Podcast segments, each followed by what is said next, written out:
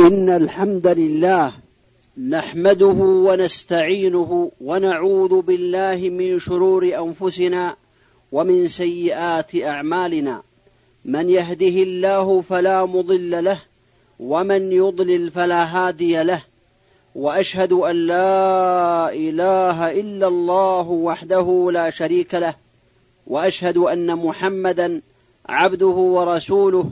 صلى الله عليه وعلى آله وأصحابه وسلم تسليما كثيرا يا أيها الذين آمنوا اتقوا الله حق تقاته ولا تموتن إلا وأنتم مسلمون يا أيها الناس اتقوا ربكم الذي خلقكم من نفس واحدة وخلق منها زوجها وبث منهما رجالا كثيرا ونساء واتقوا الله الذي تساءلون به والأرحام إن الله كان عليكم رقيبا يا أيها الذين آمنوا اتقوا الله وقولوا قولا سديدا يصلح لكم أعمالكم ويغفر لكم ذنوبكم ومن يطع الله ورسوله فقد فاز فوزا عظيما أما بعد أيها الإخوة في الله قبل أن أبدأ معكم في موضوع عظيم ينبغي لكل مسلم أن ينتبه لهذا الموضوع لأنه جزء من عقيدته الإسلامية جزء من لا إله إلا الله أو من شهادة أن لا إله إلا الله وأن محمدا عبده ورسوله قبل أن أبدأ في هذا الموضوع أرجو من الجميع أن ينظروا لأن هذا يعني لا بأس به للخطيب إذا سمح للناس ينظروا إلى ما حدث في آخر المسجد الآن الآن الأولاد قد عملوا حلقات ويأكلون الفصفص وغير ذلك هذه مصيبة اللوم من هو عليه على الوالد الذي يستمع وأولاده يعني يبقون في المسجد انظروا ولذلكم بعض الإخوان لعله أن يقدمهم هذا شيء محزن شيء لا يرضاه المسلم الذي يشهد أن لا إله إلا الله وأن محمدا عبده ورسوله ما يقارب خمسون من الأولاد متجمعون إذا من كان له ولد فعليه أن يأخذه ويأخذ بجانب انظروا بارك الله فيكم أعطي فرصة والبغض في الله عز وجل كانت خطبة الماضية الماضية كما سمعتم هي حب الله ورسوله صلى الله عليه وسلم وبين وهذا يبين أن حقيقة لا إله إلا الله ما هي حقيقة لا إله إلا الله الصورة العظيمة الحقيقة المطبقة في لا اله الا الله وان محمدا رسول الله صلى الله عليه وسلم هي محبه الله ورسوله كما سمعتم قوله تبارك وتعالى في الخطبه الماضيه قل ان كنتم تحبون الله فاتبعوني يحببكم الله ويغفر لكم ذنوبكم والله غفور رحيم اذا العلامه الواضحه في محبه الله عز وجل هي اتباع النبي صلى الله عليه وسلم في اقواله وافعاله وفي جميع تصرفاته صلوات الله وسلامه عليه وقوله صلوات الله وسلامه عليه لا يؤمن احدكم حتى اكون احب اليه من ولده ووالده والناس اجمعين وهذا ينطبق على محبه النبي عليه الصلاه والسلام بعد محبة الله تبارك وتعالى إذا حقيقة لا إله إلا الله هي محبة محمد هي محبة الله عز وجل ومحبة النبي صلى الله عليه وسلم هذه حقيقتها ولذلكم قال شيخ الإسلام ابن تيمية رحمه الله تعالى في معنى كلامه لا سعادة ولا فلاح ولا نجاح ولا لذة ولا فوز إلا بمحبة الله تبارك وتعالى ومحبة رسوله صلى الله عليه وسلم ولا يمكن ذلك إلا بالابتعاد عن ما يبغضه الله تبارك وتعالى ومحبة ما يحبه الله تبارك وتعالى إذا هذا معنى أو هذا حقيقة لا إله إلا الله ومعنى لا إله إلا الله لا معبود بحق إلا الله والعباده اسم جامع لكل ما يحبه الله ويرضاه من الاقوال والافعال الظاهره والباطنه وحقيقه العباده هي كمال الذل مع كمال الحب لله الذي لا اله الا هو كمال الذل مع كمال الحب لله تبارك وتعالى هذا هو معنى حقيقة لا إله إلا الله أو معنى لا إله إلا الله أما معنى محمد رسول الله صلى الله عليه وسلم فيتكون ذلك في امرين وربما يقال في اربعه هو انه طاعته او يطاع فيما امر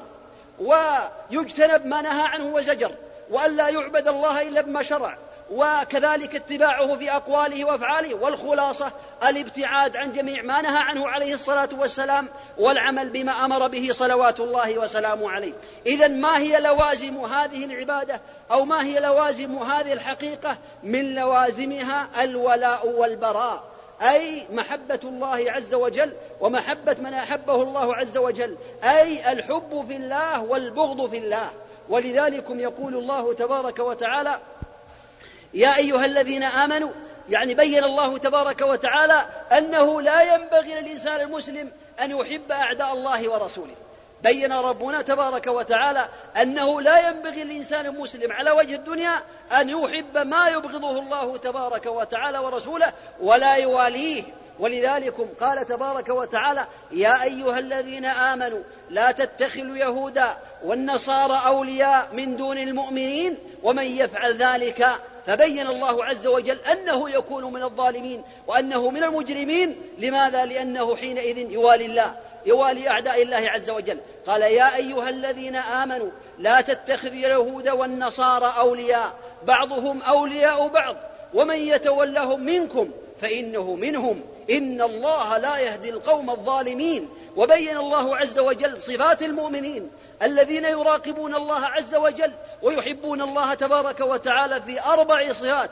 قال الله عز وجل يا أيها الذين آمنوا من يرتد منكم عن دينه فسوف يأتي الله بقوم يحبهم ويحبونه أذلة على المؤمنين أعزة على الكافرين يجاهدون في سبيل الله ولا يخافون لومة لائم ذلك فضل الله يؤتيه من يشاء والله واسع عليم بين الله عز وجل صفاتهم بأنهم أذلة على المؤمنين أذلة على المؤمنين يحبون المؤمنين أعزة على الكافرين فهو مع المؤمن ك مع المؤمن كالوالد مع ولده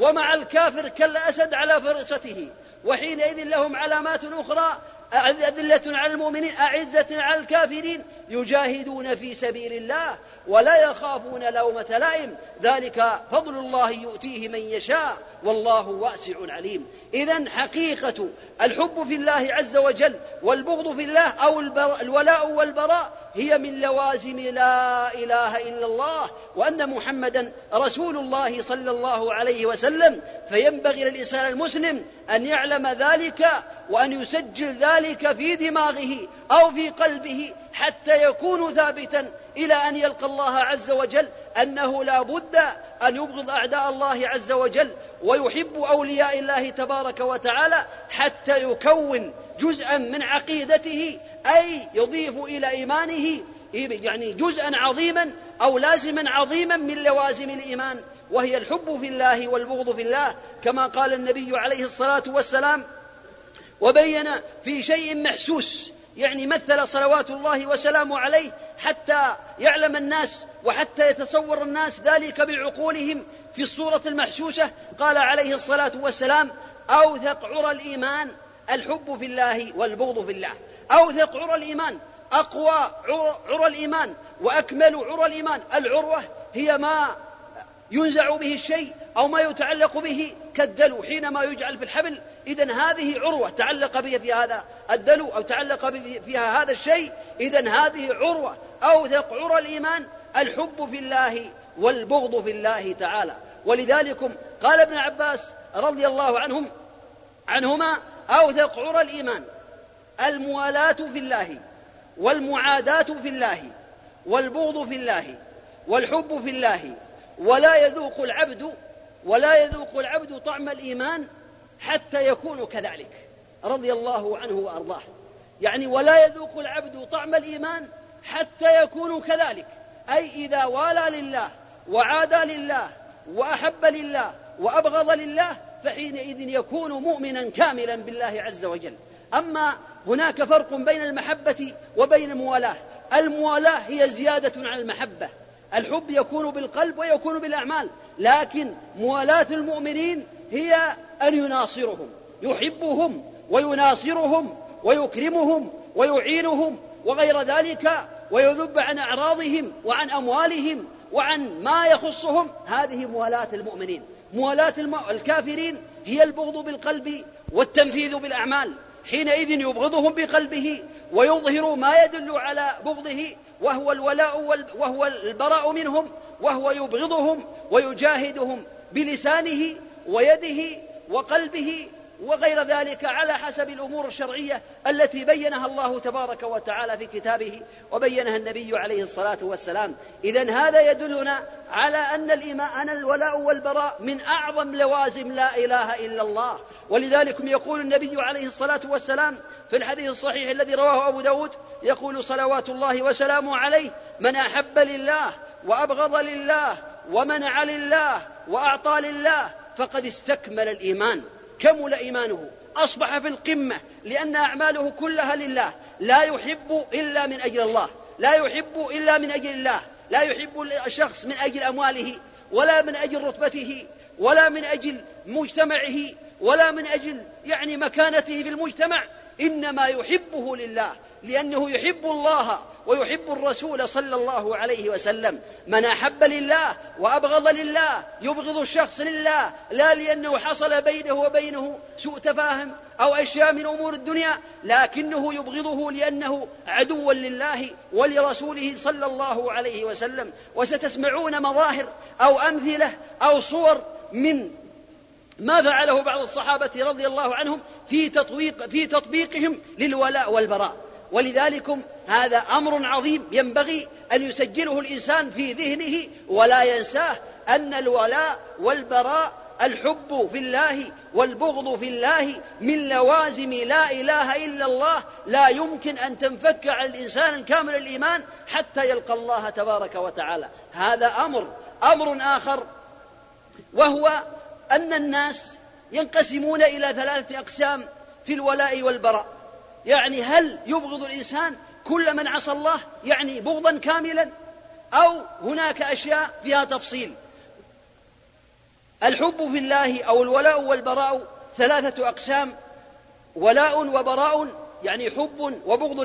حب وبغض هؤلاء قسم أول وهو المحبة الكاملة التي لا براء فيها ولا بغض وهذه لرسول الله صلى الله عليه وسلم ولانبيائه صلوات الله وسلامه عليهم ولاصحابه وللتابعين ولائمه المسلمين المخلصين الصادقين العاملين هؤلاء او هذه المحبه الكامله من كل وجه هي لهؤلاء للنبي عليه الصلاه والسلام ولاخوانه من الانبياء وللصحابه والتابعين العاملين وغيرهم من المسلمين والعلماء وغيرهم هذه هي المحبة الكاملة من كل وجه لماذا؟ لأنه لا يدخل فيها أعمال هؤلاء أي معصية لله عز وجل وإن حصل في غير الأنبياء بعض الشيء فإن الإنسان يتوب كلكم خطاء وخير الخطائين التوابون يتوب ويرجع إلى الله عز وجل هذا أمر النوع الثاني وهو أن يكون البغض أو الولاء أو البراء يكون كاملا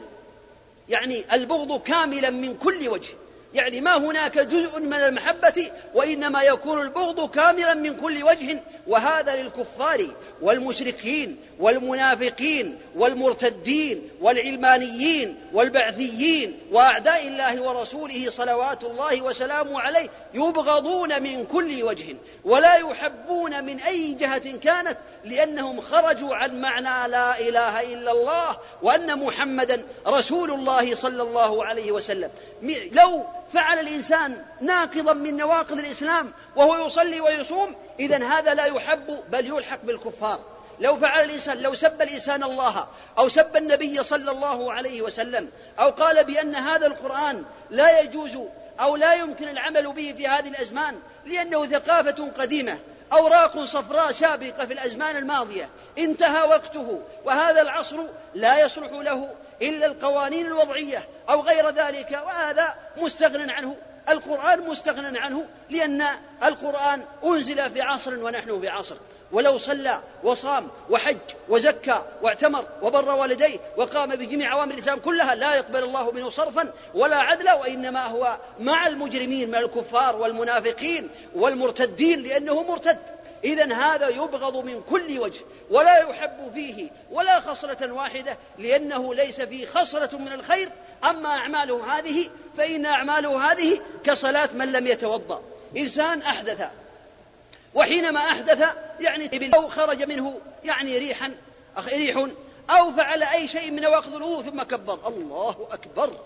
هل هذا صلى في الحقيقة ما صلى ولو صلى الليل والنهار لا يقبل الله منه صرفا ولا عدلا لأن الصلاة لا تقبل إلا بالطهارة كذلك الإسلام لا يقبل إذا حصل فيه ناقض من نواقض الإسلام ولو عمل بالإسلام كله لو سب الله عز وجل أو سب النبي عليه الصلاة والسلام أو استهزأ بالنبي أو أبغض النبي أو أبغض شيء مما جاء به النبي إذا هذا هو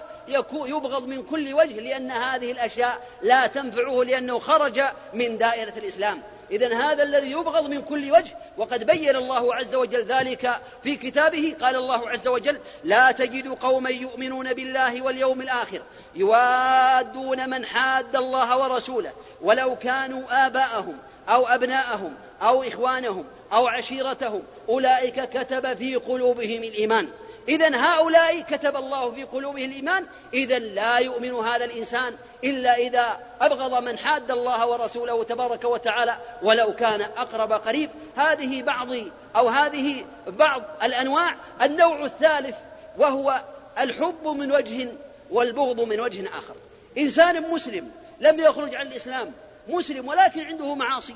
يحلق لحيته يطيل ثوبه يشرب الدخان يشرب الخمر يفعل بعض المحرمات يأكل الربا ولكنه مسلم يعني مسلم لا زال مع المسلمين فهذا يحب من جانب ويبغض من جانب آخر من باب العدل أن يكون الإنسان عادلا أن يحب من جانب لأنه يؤمن بالله ورسوله صلى الله عليه وسلم ويبغض من الجانب الآخر ولذلك جاء رجل إلى النبي عليه الصلاة والسلام اسمه حمار يعني رجل من الصحابة رضي الله عنه كان يشرب الخمر لأنهم كانوا من أول على الخمر فاستمر على ذلك فحينئذ لعنه بعض الصحابة قال لعنك الله أو لعنة الله عليه فقال النبي عليه الصلاة والسلام لا تلعنه لا تلعنه أما علمت أو إني قد علمت أنه يحب الله ورسوله يعني محبة ليست كاملة ولكن هذا الصحابي والحمد لله من أصحاب النبي عليه الصلاة والسلام وتاب ومن تاب الله عليه وان تاب تاب الله عليه الخلاصة أن الإنسان إذا كان مسلما يحب من وجه ويبغض من وجه آخر إنسان لا يحضر صلاة الجماعة صلاة الفجر يتأخر هذا اتصف بصفة من صفات المنافقين لكن هل من العدل أن أساويه وأساوي من يصلي في الصف الأول مع جماعة المسلمين في كل فجر وفي كل صلاة لا يساوى هذا لأن هذا قد اتصف بصفة من صفات المنافقين ويخشى على إيمانه ويخشى على أن هذا الشخص يعني لا يكون صادقا مع الله عز وجل إذا هذا يحب من وجه ويبغض من وجه آخر ما دام يصلي في بيته ما دام يصلي في بيته فيبغض أما إذا ترك الصلاة بالكلية هذا يبغض لله عز وجل بغضا كاملا فالمسلم عليه أن يفرق هناك من يحب محبة كاملة لا نقص فيها وهناك من يبغض بغضا كاملا لا نقص فيه وهناك من يفرق يبغض من وجه ويحب من وجه حتى لا يكون الإنسان كالخوارج إذا فعل الإنسان معصية كفر بها بمجرد ما يراه مثلا يشرب الدخان يقول كافر بمجرد ما يراه وهو مسلم يصلي ويصوم لكنه عاصي ضعيف الإيمان ضعيف القلب ضعيف الصلة بالله عز وجل هذا مسلم عاصي فالمسلم عليه أن يعلم هذه الأقسام فإذا عرف الإنسان حقيقة لا إله إلا الله ثم عرف ما هي لوازم أو من لوازم لا إله إلا الله فعليه كذلك أن يفرق في المحبة ويقسم الناس إلى أقسام على حسب العدل أسأل الله الذي لا إله إلا هو أن يوفقني وإياكم لما يحب ويرضاه وأن يرزقنا العلم النافع والعمل الصالح أقول قولي هذا وأستغفر الله العظيم لي ولكم ولسائر المسلمين فاستغفروه من كل ذنب إنه هو الغفور الرحيم الحمد لله رب العالمين ولا عدوان إلا على الظالمين والعاقبة للمتقين وأشهد أن لا إله إلا الله وحده لا شريك له وأشهد أن محمدا عبده ورسوله صلى الله عليه وعلى اله واصحابه وسلم تسليما كثيرا اما بعد فان اصدق الحديث كتاب الله تعالى وخير الهدي هدي محمد صلى الله عليه وسلم وشر الامور محدثاتها وكل محدثه بدعه وكل بدعه ضلاله وكل ضلاله في النار أيها الإخوة في الله ينبغي للإنسان المسلم أن يركز في ذهنه ويسجل في ذهنه كما قلت مرارا هذه الركيزة وهي الولاء والبراء الولاء للمؤمنين واولياء الله عز وجل والبراء من الكافرين والمجرمين والمنافقين على حسب احوالهم يسجل ذلك ويجعله جزءا من عقيدته لا ينفصل عنها حتى يلقى ربه تبارك وتعالى وهناك صور واضحه بينها اهل العلم بل بينها اصحاب النبي عليه الصلاه والسلام في تطبيقهم للولاء والبراء يعني ما هي الصوره التطبيقية الذي فعلها أصحاب النبي عليه الصلاة والسلام أو بعضهم مما وصل إلينا في تطبيق الولاء والبراء الحب لله والبغض لله من ذلك ما فعله كعب رضي الله عنه كعب بن مالك تأخر عن غزوة تبوك من النبي عليه الصلاة والسلام أو عن غزوته مع النبي صلوات الله وسلامه عليه ومعه آخران تأخر رضي الله عنه وحينما رجع إليهم النبي صلوات الله وسلامه عليه حلف المنافقون بالله بأنهم ما تأخروا إلا لأعذار عندهم أما كعب بن مالك رضي الله عنه فقال فأقسم بالله أنه تأخر وأنه لا يجد عذرا يعتذر به من رسول الله صلى الله عليه وسلم فقيل بأنه قال صلوات الله وسلامه عليه أما هؤلاء فصدقوا فأنظروهم حتى يحكم الله فيهم أو كما قال النبي عليه الصلاة والسلام فأمر النبي عليه الصلاة والسلام أمرا صارما بمقاطعتهم عدم السلام عليهم وعدم الكلام معهم من أصحاب النبي عليه الصلاة والسلام الله أكبر ما الذي حدث من أصحاب النبي عليه الصلاة والسلام لا يمكن أن يسلموا عليهم حتى قال كعب والله لقد أتيت إلى أخي في المزرعة وكلمته وناديته والله ما كلمني وحينئذ قلت أسألك بالله هل علمت بأني أبغض الله وأبغض النبي عليه الصلاة والسلام فقال لا أدري أو كما قال يعني لم يرد عليه السلام أخوه سبحان الله العظيم إذا والشاهد من هذه القصة بأنه رضي الله عنه كان جليدا وكان قويا يبيع في الأسواق أما صاحبيه فقد بقي كل إنسان في بيته وفي قبل نهاية الخمسين اليوم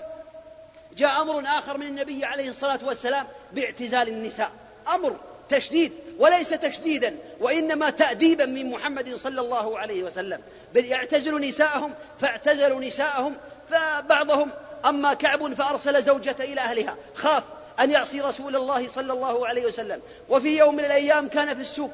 يبيع ويشتري فحينئذ جاء رجل من الشام قبطي من ملك غسان أو من ملك غسان يقول أين كعب بن مالك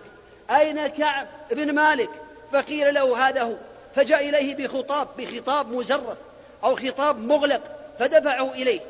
قال ففتحته فوجدته أن فيه أنك قد أنه قد بلغنا أن صاحبك قد بلاك قد جفاك وقد أساء إليك وأنت ليس في بلاد هوان فالحق بنا نواسيك ونحسن إليك سبحان الله العظيم قال كعب رضي الله عنه قلت هذه مصيبة أو هذا بلاء آخر قال فيممت به التنور فأسجرت به التنور أو كما قال رضي الله عنه أي أحرقه في النار مبادرة إلى الولاء والبراء مع رب مع رسول إلى الولاء مع رسول الله عليه الصلاة والسلام والبراء والبغض لأعداء الله عز وجل فأحرقه تصور لو إنسان في أي دولة مسلمة كان عنده حاكم مسلم والبلاد هذه فيها مسلمون والحمد لله تحكم بشرع الله لكن الوالي أصدر أمرا بأن هذا الإنسان لا يوظف ولا يعني يحسن إليه ولا يكلم ولا يسلم عليه ثم جاءوا خطاب من المشركين أو من المجوس أو من أعداء الله عز وجل إنك لست في أرض هوان فعليك أن تلحق بنا نعطيك ونعطيك ونعطيك الله أكبر ما الذي يفعل يفرح يقول هؤلاء الكفار أصبحوا أحسن حالا من المسلمين المسلمين يفعلون المسلمون يفعلون بكذا وكذا وهذه الكفار هذه رتبة عالية وأخلاق كريمة من أخلاق اليهود والنصارى أو المشركين أو غيرهم تصور هذا الرجل رضي الله عنه لكن الله تبارك وتعالى أنزل توبته من عنده تبارك وتعالى وتاب الله عليه وعلى النبي عليه الصلاة والسلام وعلى الثلاثة الذين خلفوا الذين قد ضاقت عليهم الأرض بما رحبت فحينئذ تاب الله عليه وسلم عليه النبي عليه الصلاة والسلام وقال أبشر بخير يوم شرقت عليه الشمس أو رأيته أو كما قال عليه الصلاة والسلام هذا هذه صورة صورة أخرى في الولاء أو في البراء لعبد الله بن حذافة رضي الله عنه كان في الشام كان هناك غزو في عهد عمر بن الخطاب رضي الله عنه مع النصارى مع الروم فحينئذ النصارى استأسروا أسرى من المسلمين مجموعة من المسلمين أخذوهم أسرى فجاءوا إلى عند ملك الروم وحينما وصلوا إليه كأنه أعجبه هذا الرجل فاستدعاه قال تعال هذا عبد الله بن حذافة استدعاه هذا الملك وحينما دعاه قال أعطيك نصف ملكي أعطيك نصف ملكي على أن تكفر بدين محمد وتؤمن بالنصرانية نصف الملك هذا شيء عظيم عند عند من لا يخاف الله عز وجل ربما يقول اكفر بالله عز وجل بل بعضهم كفر بالله من اجل ان يتزوج نصرانيه يعني بلغني من بعض الثقات بان هناك انسان داعيه يعني يدعو الى الله عز وجل لكن ايمانه مهزوز جاء الى نصر يدعو ناس على شط او على شط البحر او شط نهر فحينئذ دعاهم إلى لا إله إلا الله فقال يعني فرغب في النصرانية فمر مرة أخرى فخطب في النصرانية قال ديننا يبيح لنا أن نتزوج النصارى المحصنة أو النصرانية المحصنة فخطب إليهم فقالوا نشترط عليك شرطا قالوا ما هو قال أن تكفر بدينك وتدخل في النصرانية وحينئذ نزوجك فحينئذ كفر بدين الإسلام ودخل في النصرانية ففقده أصحابه بحثوا عنه ما وجدوه وحينئذ أخذوا يبحثون عنه مدة طويلة حتى وجدوه في بيت نصراني من أجل كفر من أجل امرأة وهذا الرجل عرض عليه ملك الدنيا أو قال والله لو أعطيتني ملكك كله وجميع ملك العرب ما تركت دين محمد صلى الله عليه وسلم هذا هو البراء البراء والولاء البراء من الكفار حتى ولو أعطي الملك الدنيا والولاء للمسلمين في هذه الحالة إذا قال إذا نقتله قال أنت وذاك قال فقربوه وقال ارموه يعني قال لأصحابه بحيث لا يسمع قال ارموا عن يمينه وعن شماله لعله أن يدخل في النصرانية فرموا عن يمينه وعن شماله يعني يسددون عليه ولكنهم يجعلون كأنهم آه، يعني يخطئونه فحينئذ تأتي الطلقات عن يمينه وعن شماله ولا تصيبه فيأتي إليه أتكفر بدين محمد وتدخل النصرانية قال لا والله لا الله أكبر الله أكبر إذا هذا الطاغية أمر بقدرين عظيمين بأن يوقد عليهما نار أو يوقد عليهما نارا فحينئذ جاء بالقدرين العظيمين فوقد عليهم حتى صار الماء يغلي فحينئذ جاء برجل مسلم من المسلمين فألقاه في النار فألقاه في الماء الذي يغلي قال الراوي أو قال صاحب القصة فانخلس اللحم ولم يبقى إلا العظام أصبح هيكلا عظميا لأن اللحم يعني انخلس وعبد الله بن حذافة ينظر فحينئذ يعني بعدما انتهى قال تكفر بدينك وتدخل بدين النصرانية قال لا والله فحينئذ قيل له ألقوه في القدر الثاني فسحبوه إلى القدر الثاني وحينما قبل أن يصل إليه بكى فحينما بكى قالوا هؤلاء أو هؤلاء الجنود فرحوا ذهبوا إلى الملك قالوا بكى لعله أن يكون رغب في النصرانية فاستدعاه قال لعلك أحببت النصرانية قال لا والله ولكني يعني مسلم شخص مسلم لي نفس واحدة وإني أتمنى من الله الذي لا إله إلا هو أن تكون هذه النفس عدد شعري ويعني أنفس فتلقى في هذا القدر من أجل الله عز وجل لطلب الشهادة في سبيل الله عز وجل الله أكبر الله أكبر هذا البكاء لم يحصل من الخوف وإنما حصل من الرغبة في زيادة الأنفس حتى تعذب في الله عز وجل وفي سبيل الله حينئذ قال له أتقبل رأسي وأتركك قال وتترك جميع المسلمين الأسرى يعني انظر إلى الحكمة ما قال طيب أقبل رأسك وأنصرف قال وجميع الأسرى المسلمين إن قبلت رأسك وتركتني وتركت جميع المسلمين فحينئذ أقبل رأسك فحينئذ قال طيب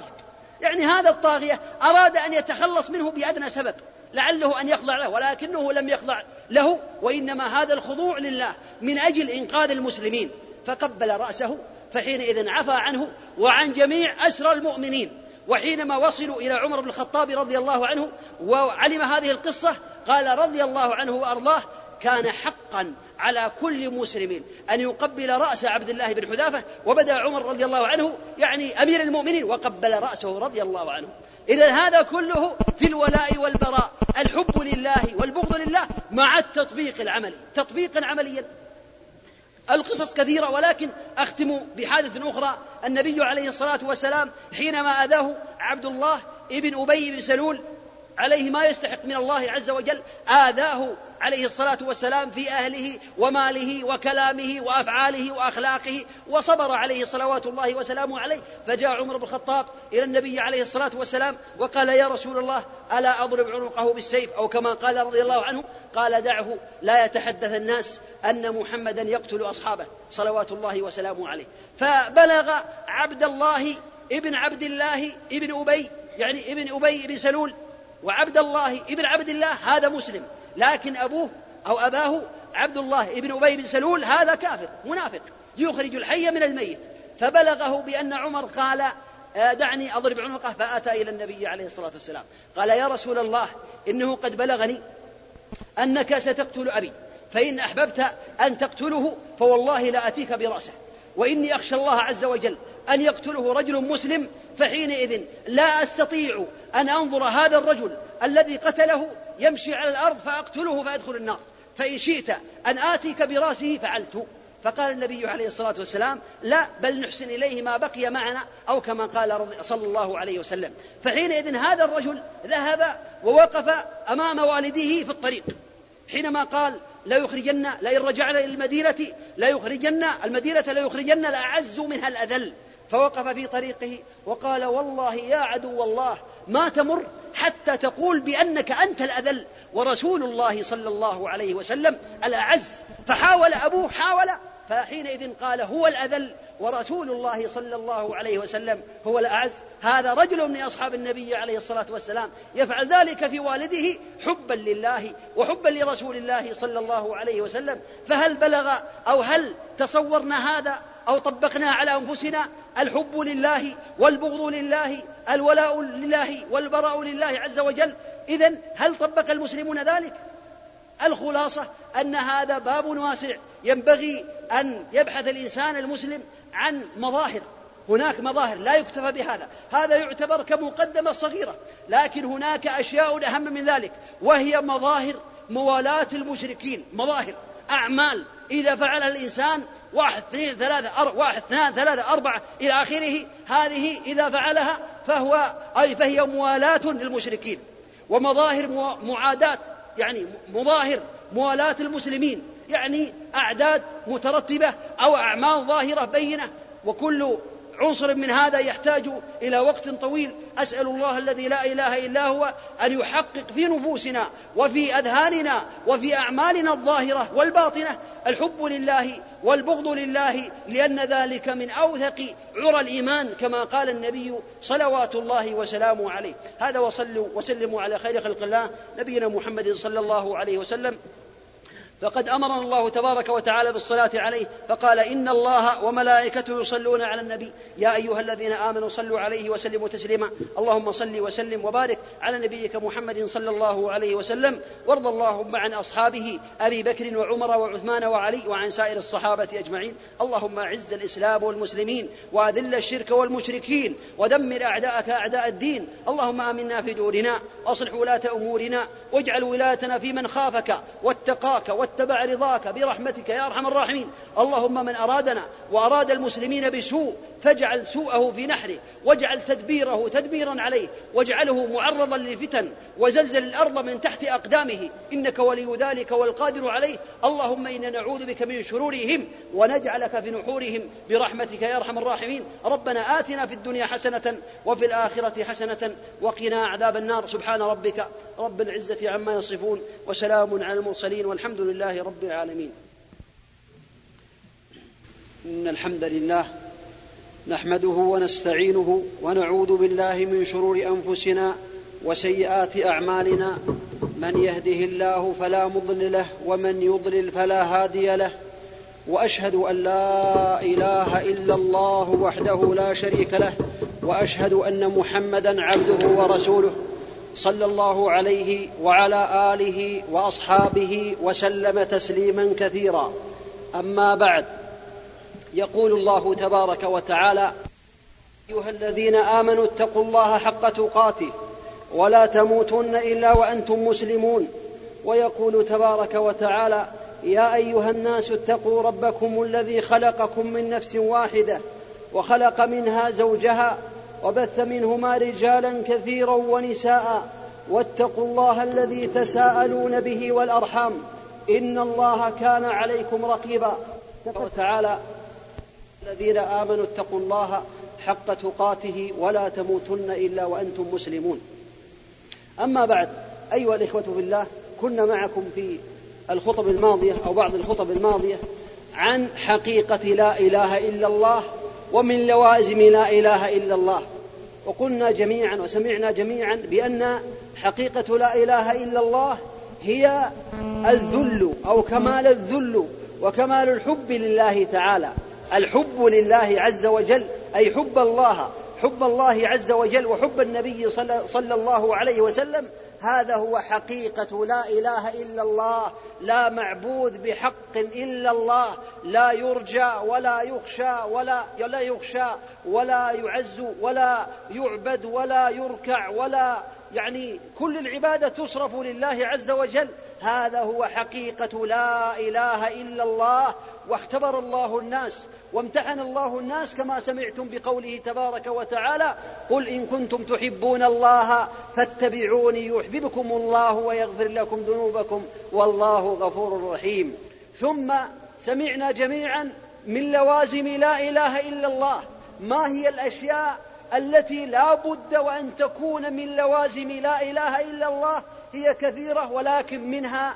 الحب لله والبغض لله الولاء لله والبراء لله وسمعنا قوله صلوات الله وسلامه عليه اوثق عرى الايمان اوثق عرى الايمان الحب لله والبغض لله اوثق عرى الايمان الحب لله والبغض لله والولاء لله والبراء لله ولا يكون العبد كذلك ولا يكون ولا يذوق العبد طعم الايمان حتى يكون كذلك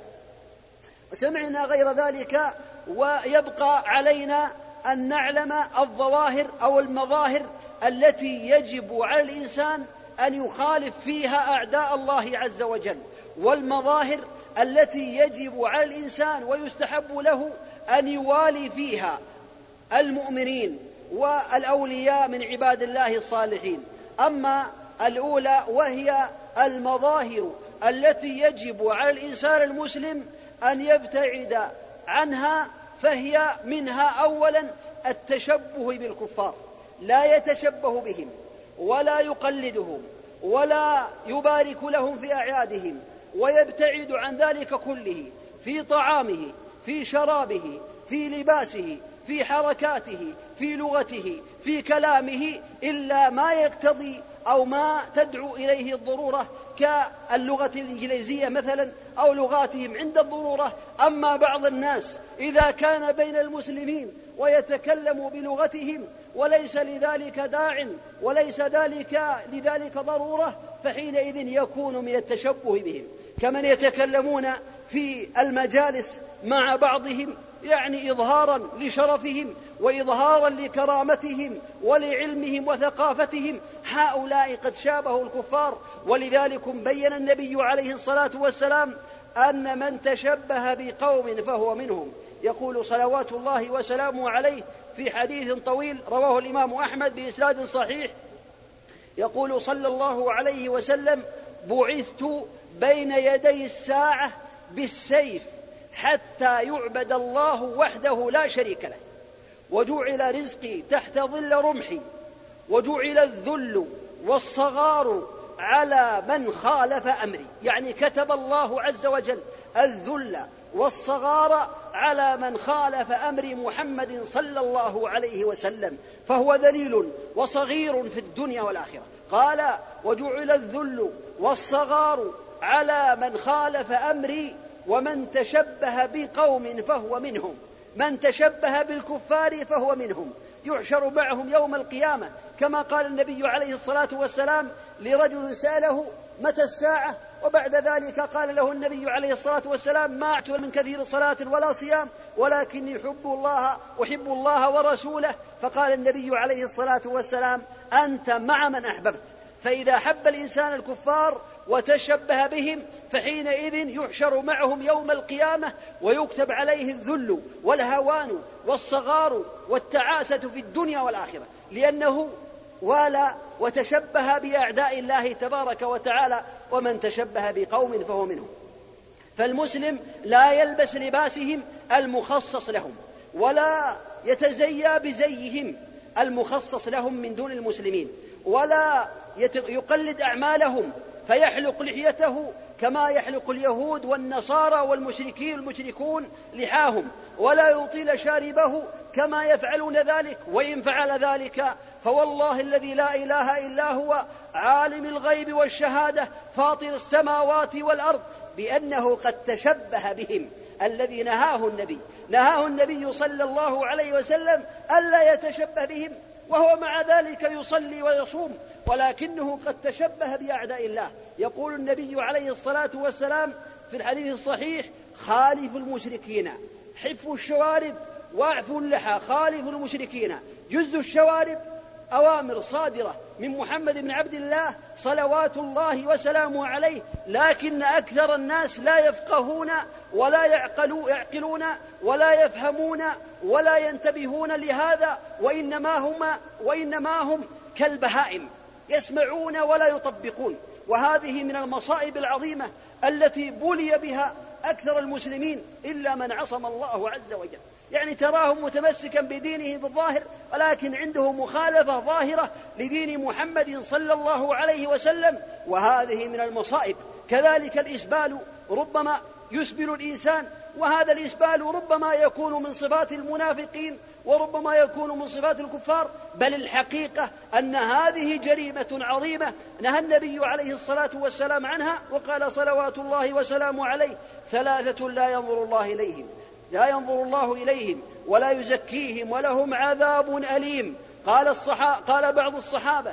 خابوا وخسروا من هم يا رسول الله فقال عليه الصلاة والسلام المسبل إزاره والمنان والمنفق سلعته بالحلف الكاذبة أول واحد من هؤلاء في الدرجة الأولى في العصاية وفي الدرجة الأولى في عصيان النبي عليه الصلاة والسلام المس بالإزارة ومع ذلك لو جلس الإنسان في بعض المجالس ورأى إلى بعض المسلمين وإذا هم قد أسبلوا ثيابهم نسأل الله العافية في الدنيا والآخرة ترى الإنسان ربما تمسك بالستر وتمسك بغير ذلك حتى يستر قدميه وربما ينظر إلى زوجته في الشارع وهي قد تكشفت وقد تبرجت وهو التزم بالحجاب التزم يعني بعض الناس لو نظر الانسان الى بعض اسواق المسلمين وهذا للاسف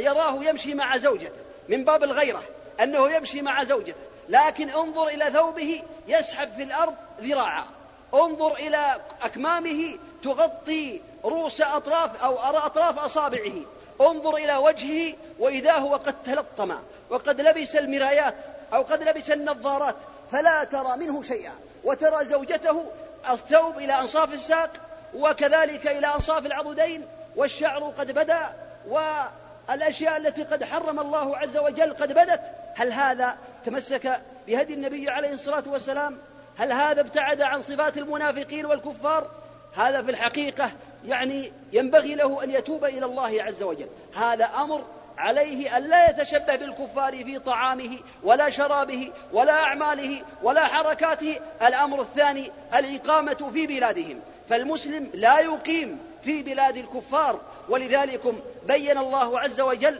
أن من أقام في بلاد الكفار فله عذاب أليم قال الله تبارك وتعالى في ذلك إن الذين توفاهم الملائكة ظالمي أنفسهم قالوا فيما كنتم قالوا كنا مستضعفين في الأرض قالوا ألم تكن أرض الله واسعة فتهاجروا فيها فأولئك مأواهم جهنم وساءت مصيرا إلا المستضعفين من الرجال والنساء والولدان لا يستطيعون حيلة ولا يهتدون سبيلا فأولئك عسى الله أن يعفو عنهم وكان الله عفوا غفورا فبعض الناس يفضل بلاد الكفار على بلاد المسلمين كذلك من مظاهر موالاتهم السفر إلى بلادهم إذا كان السفر من أجل النزهة ومن أجل المتعة ومن أجل الاستمتاع ومن أجل غير ذلك فالسفر إلى بلادهم محرم ما حكم السفر إلى بلاد الكفار أو حكم السفر إلى بلاد الكفار حكمه لا يجوز ومحرم لأن الإنسان إذا ذهب إلى بلاد الكفار فحينئذ قد عصى الله وقد والى الكفار إلا أن يكون في شيء لا بد منه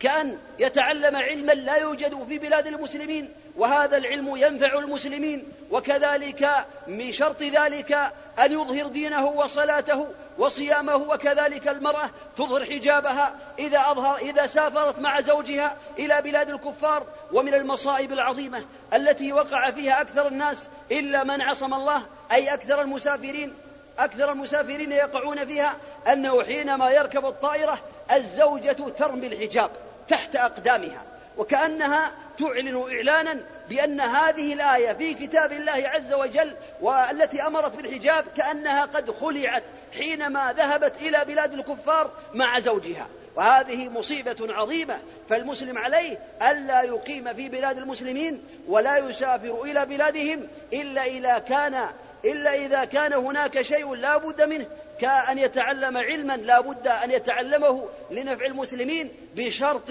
أن يحافظ على دينه وبشرط الاعتزاز بدينه وبشرط إظهار شعائر الإسلام فلا بأس أن يسافر حينئذ لهذه الضرورة فالمسلم عليه أن يتقي الله تبارك وتعالى أمر رابع وهو عليه كذلك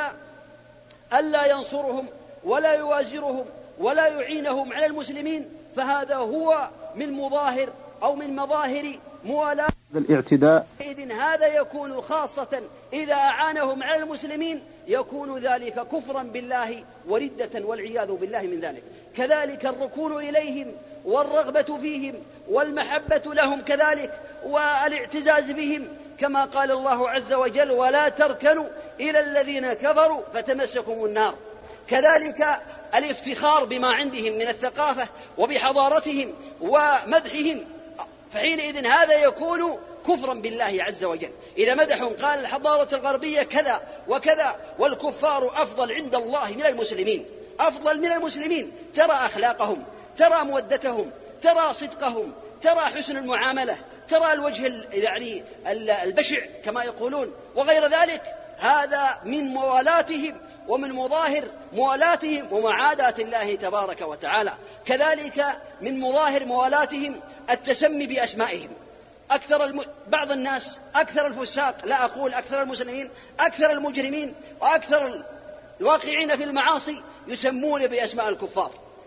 يسمى جورج يسمي مون يسمي حوحو بعض الناس يسمي ولده هكذا وقد بلغني هذا أن بعض الناس حينما يعجب بواحد من الكفار يسمي ولده ولو أذن له في بعض المستشفيات الإسلامية لو أذن له لتمنى ذلك أن يسمي بوش أو يسمي فلان اعتزازا بهم ويترك اسم محمد عليه الصلاة والسلام ويترك أسماء الصحابة ويترك أسماء أهل الإيمان والدين لماذا؟ لأنه يحبهم فيحب أن يسمي بأسمائهم فالمسلم عليه أن لا يوالي الكفار ولا يتشبه بهم ولا ينصرهم ولا يعتز بهم ولا يسلم عليهم في الطريق كما قال النبي عليه الصلاة والسلام إذا لقيتم الكفار في طريق فاضطروهم إلى أضيقه أو قال عليه الصلاة والسلام لا تبدأ اليهود والنصارى بالسلام قالوا يا رسول الله فإن سلموا علينا قال قولوا وعليكم وكانوا يسلمون على النبي عليه الصلاة والسلام يقولون السلام عليك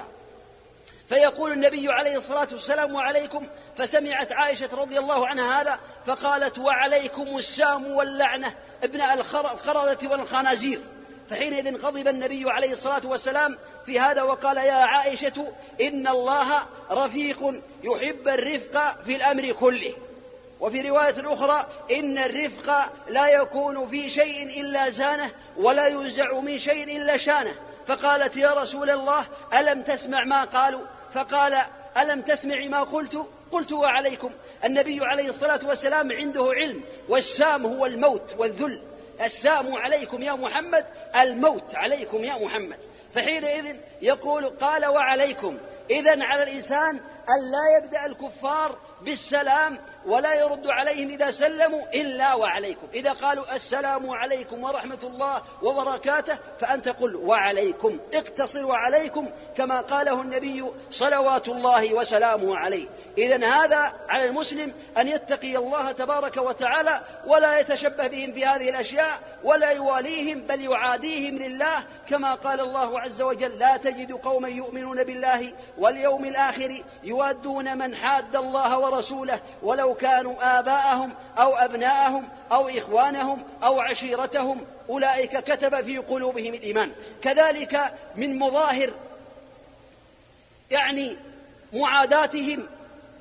أن يربي الإنسان أولاده على بغض الكفار وبغض اليهود وبغض النصارى وبغض المشركين جميعا كما يربون أولادهم على بغض محمد صلى الله عليه وسلم قبل سنوات في منطقة تبوك كان صغير طفلا صغيرا من النصارى يمشي في الشارع مع بعض أولاد المسلمين فكان الولد اسمه محمد فحينما سمعوا هذا النصراني قال محمد هذا محمد ليس طيبا محمد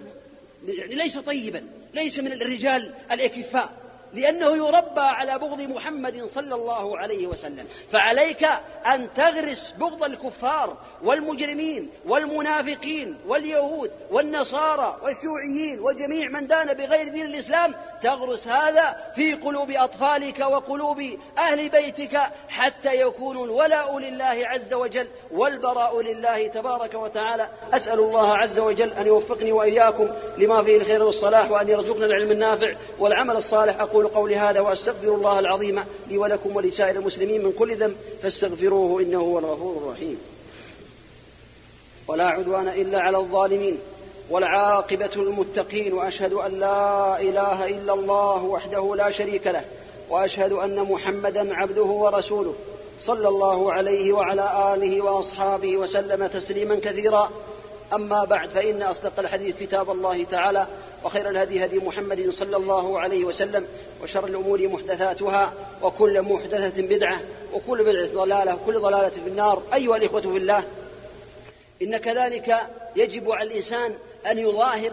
أي يوالي أولياء الله تبارك وتعالى ولذلك مظاهر كما أن للكفار أو لمعاداة الكفار والولاء من الكفار مظاهر يجب عليه كذلك وينبغي له أن يعمل بالمظاهر التي بينها ربنا عز وجل وبينها النبي عليه الصلاة والسلام في موالاة المؤمنين وحب المؤمنين ومن ذلك أولا نصرتهم ينصر المؤمنين في أي مكان بلسانه بيده بتوجيهه بقلمه بأي شيء كان ينصر المسلمين كما قال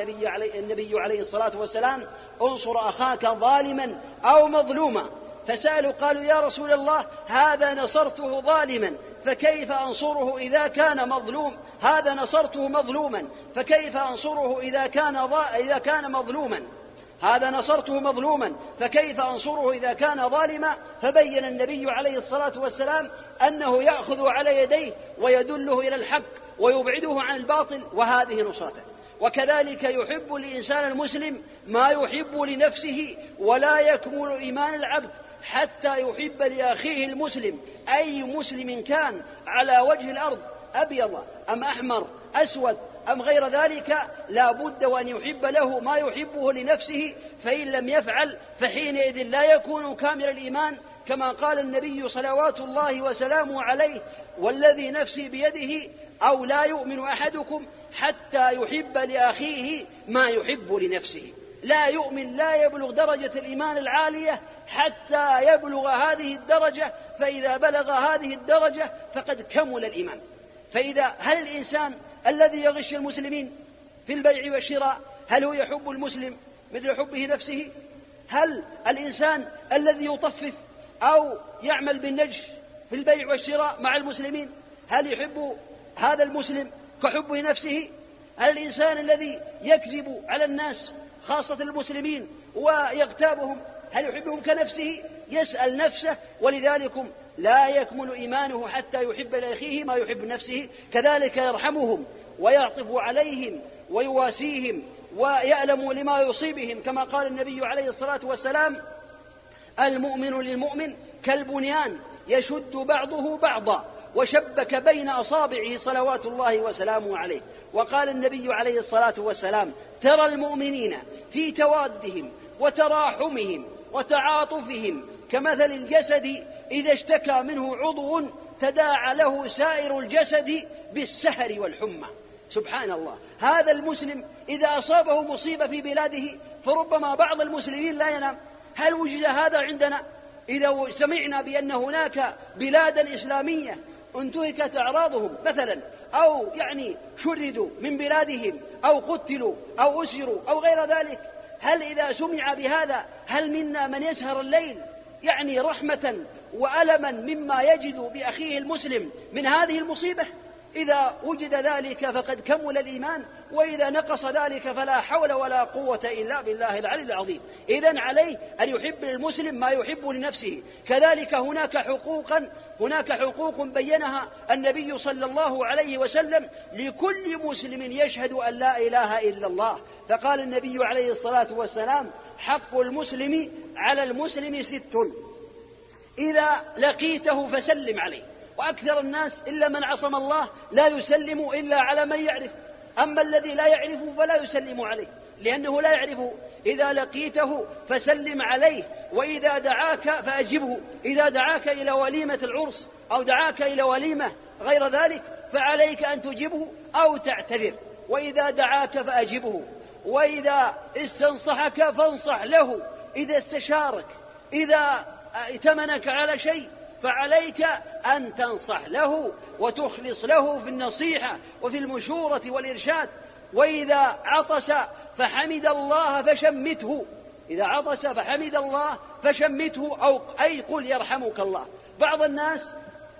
يستهين بهذا فلو عطس الرجل في مكان لا تسمع أحدا إلا القليل الذي يقول يرحمك الله ولا تسمع أحدا يرد عليه يقول يهديكم الله ويصلح بالكم هذا شيء يسير هذا حق على المسلم ولذلك قال النبي عليه الصلاة والسلام إذا عطس الرجل فحمد الله كان حقا على كل مسلم سمعه أن يقول يرحمك الله أو كما قال النبي عليه الصلاة والسلام وإذا مرض فعده زيارة المريض وعيادة المريض من القربات إلى الله عز وجل ومن أعظم القربات ومما يحصل المسلم عليه في هذه المسألة من الثواب العظيم ولذلك يقول النبي عليه الصلاة والسلام في الحديث الذي ثبت عنه إذا زار الرجل أخاه أي المريض غدوة صلى عليه سبعون ألف ملك سبعون ألف ملك حتى يمسي وإذا عاده آه، يعني مساء صلى عليه سبعون ألف ملك حتى يصبح وكان له خليفة في الجنة كان له بستان في الجنة ولا يزال في خرفة الجنة أو في خرافة الجنة ما زالوا في طريقه ما يزال في طريقه هذا ثواب عظيم للمسلم الذي يزور أخيه المسلم أكثر الناس لا يضرب لذلك حسابا ونسأل الله عز وجل أن يصلح الأحوال ويصلح القلوب إنه ولي ذلك والقادر عليه وإذا مات فاتبع جنازته إذا مات الإنسان فكان حقا على المسلم أن يتبع جنازته كذلك من الحقوق عليه أن يحسن إليه إذا كان محتاجا يقرضه ومن حقوقه عليه كذلك ألا يغتابه ولا يشبه ولا ينتهك من عرضه وغير ذلك من الحقوق التي بينها النبي صلى الله عليه وسلم من حقوقه ألا يهجره فوق ثلاث إذا حدث بينه وبينه مشاحنة بعض الناس إذا حصل بينه وبين أخيه شحناء حينئذ يهجره سنوات طوال من أجل ماذا؟ لأنه يطيل ثوبه لأنه يترك الصلاة مع الجماعة لأنه يترك الصلاة لأنه يستمع الغناء لأنه ينظر إلى ما حرم الله لأنه يربي أولاده على ما يوقظ الله عز وجل لأنه يأكل الربا لأنه يأكل الرشوة لماذا؟ لأنه من أجل يعني تركه ما زوجه أو ما أعطاه أو يعني آه انتقص من حقه من أجل الدنيا فلذلك يقول النبي عليه الصلاة والسلام لا يحل لامرئ أن يهجر أخاه فوق ثلاث لا يحل لامرئ أن يهجر أخاه فوق ثلاث أي فوق ثلاثة أيام فإذا هجروا فوق ثلاثة أيام فحينئذ يكون محرما أعطاه الله مهلة أعطاه الله فسحة ثلاثة أيام حتى يذهب غيظ قلبه وحتى يعود إلى رشده ثم بعد ذلك يحرم عليه أن يستمر في الهجران ولذلك يقول النبي عليه الصلاة والسلام تعرض الأعمال يوم الاثنين والخميس فيغفر لكل إنسان مسلم يشهد أن لا إله إلا الله لا يشرك بالله شيئا أو كما قال النبي عليه الصلاة والسلام إلا اثنين بينهما شحناء فيقول الله عز وجل أركوا هذين حتى يصطلحا أي أخروا هذين حتى يصطلحا فتوقف أعماله لا ينظر فيها حتى يرجع حتى يتوب وقال النبي عليه الصلاة والسلام هجر المسلم كقتله إذا هجر الإنسان المسلم مسلما فحينئذ كأنه قتله ولكنه إذا فعل ذلك من أجل الله عز وجل فيكون مثابا ويكون مأجورا عند الله تبارك وتعالى فالمسلم عليه أن يلحظ ذلك ومن المصائب أن بعض الناس يستمع وينسى وهذا من صفات الإنسان ولكن عليه أن يسأل الله عز وجل الثبات ويسأله أن يوفقه لما يحب ويرضاه أسأل الله تبارك وتعالى أن يجعلني وإياكم وجميع المسلمين من الذين يقولون ويعملون بما يحبه الله الله عز وجل ومن الذين يستمعون القول فيتبعون أحسنه إنه ولي ذلك والقادر عليه هذا وصلوا وسلموا على خير خلق الله نبينا محمد صلى الله عليه وسلم فقد أمرنا الله تبارك وتعالى بالصلاة عليه فقال إن الله وملائكته يصلون على النبي يا أيها الذين آمنوا صلوا عليه وسلموا تسليما اللهم صل وسلم وبارك على نبيك محمد صلى الله عليه وسلم وارض اللهم عن أصحابه أبي بكر وعمر وعثمان وعلي وعن سائر الصحابة أجمعين اللهم عز الإسلام والمسلمين وأذل الشرك والمشركين ودمر أعداءك أعداء الدين اللهم آمنا في دورنا واصلح ولاة أمورنا واجعل ولايتنا في من خافك واتقاك واتبع رضاك برحمتك يا أرحم الراحمين اللهم إنا نسألك الهدى والتقى والعفاف والغنى اللهم اصلح قلوبنا وأعمالنا اللهم إنا نسألك التوفيق لما تحب وترضاه ربنا آتنا في الدنيا حسنة وفي الآخرة حسنة وقنا عذاب النار اللهم من أراد اللهم من أرادنا وأراد المسلمين بسوء فاجعل كيده في نحره واجعل تدبيره تدبيرا عليه واجعله عبرة للمعتبرين برحمتك يا أرحم الراحمين نعوذ بك اللهم من شرورهم ونجعلك في نحور أمورهم سبحان ربك رب العزة عما يصفون وسلام على المرسلين والحمد لله رب العالمين